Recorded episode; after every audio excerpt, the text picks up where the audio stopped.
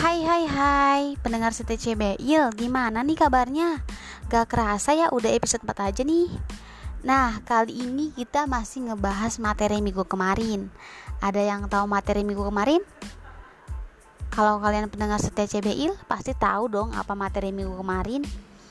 Hmm yuhu. Materi minggu kemarin ngebahas mengenai aspek-aspek administrasi Nah, minggu sekarang juga masih ngebahas ini, tapi lebih detailnya lagi atau lebih dalamnya lagi. Yuk kita bahas. Jadi, aspek administrasi terdiri dari komunikasi dan koordinasi, efisiensi dan efektivitas kinerja dan kreativitas. Ketiga aspek tersebut saling berhubungan dalam administrasi.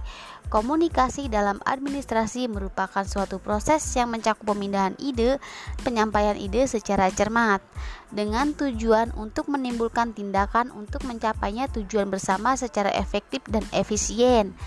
Sementara itu, koordinasi adalah sebuah lanjutan sebuah komunikasi yang dijalin dalam sebuah proses interaksi anggota dalam sebuah kelompok Koordinasi ini merupakan kegiatan pengelolaan di dalam sebuah organisasi. Di dalam konteksnya terdapat sebuah tujuan yang dicapai. Untuk menentukan tujuan, maka diperlukannya komunikasi.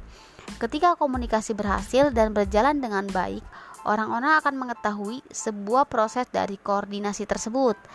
Lain halnya dengan komunikasi, sebuah komunikasi belum tentu memiliki koordinasi. Koordinasi ini memiliki tujuan untuk mengarahkan atau menyelaraskan ke kedua hal tadi agar menghindari adanya kemelencengan dan juga miskomunikasi yang akan ataupun yang sedang dilakukan. Pada poin selanjutnya terdapat as aspek efek efisiensi dan efektivitas.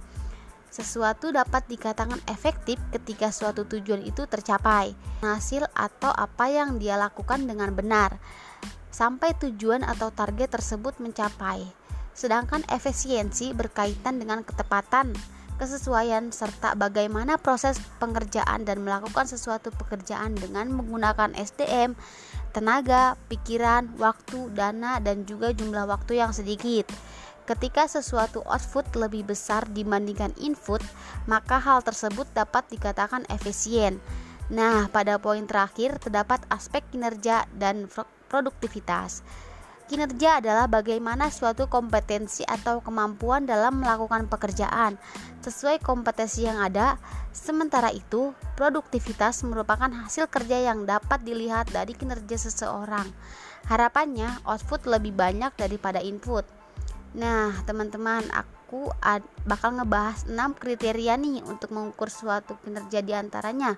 Yang pertama, kuantitasi, yaitu berapa banyak yang dapat dikerjakan dibanding dengan target yang telah ditetapkan.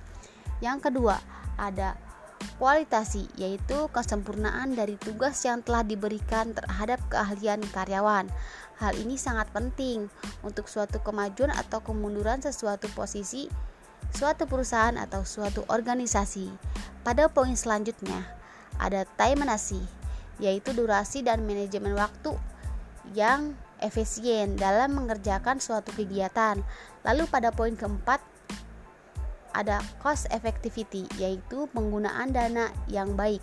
Selanjutnya pada poin kelima ada next for supervisor yang berarti adanya seseorang yang berwenang untuk memberikan arahan dan pada poin terakhir terdapat interpersonal import yaitu berarti merupakan kelangsungan pada setiap individu.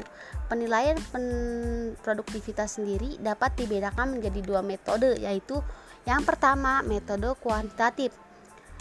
Metode ini menjadikan angka sebagai tolak ukur untuk menilai suatu karyawan. Cocok diterapkan di bagian distribusi barang atau produksi. Yang kedua, metode kualitatif. Metode ini melakukan penilaian yang lebih subjektif Cara pengukurannya ini cocok digunakan untuk suatu pekerjaan yang membutuhkan analisis dan perkiraan serta tingkat ketepatan atau akurasi. Nah, teman-teman, mungkin cukup sekian ya yang saya dapat kasih materi minggu sekarang. Next time kita bakal ketemu lagi ya. See you.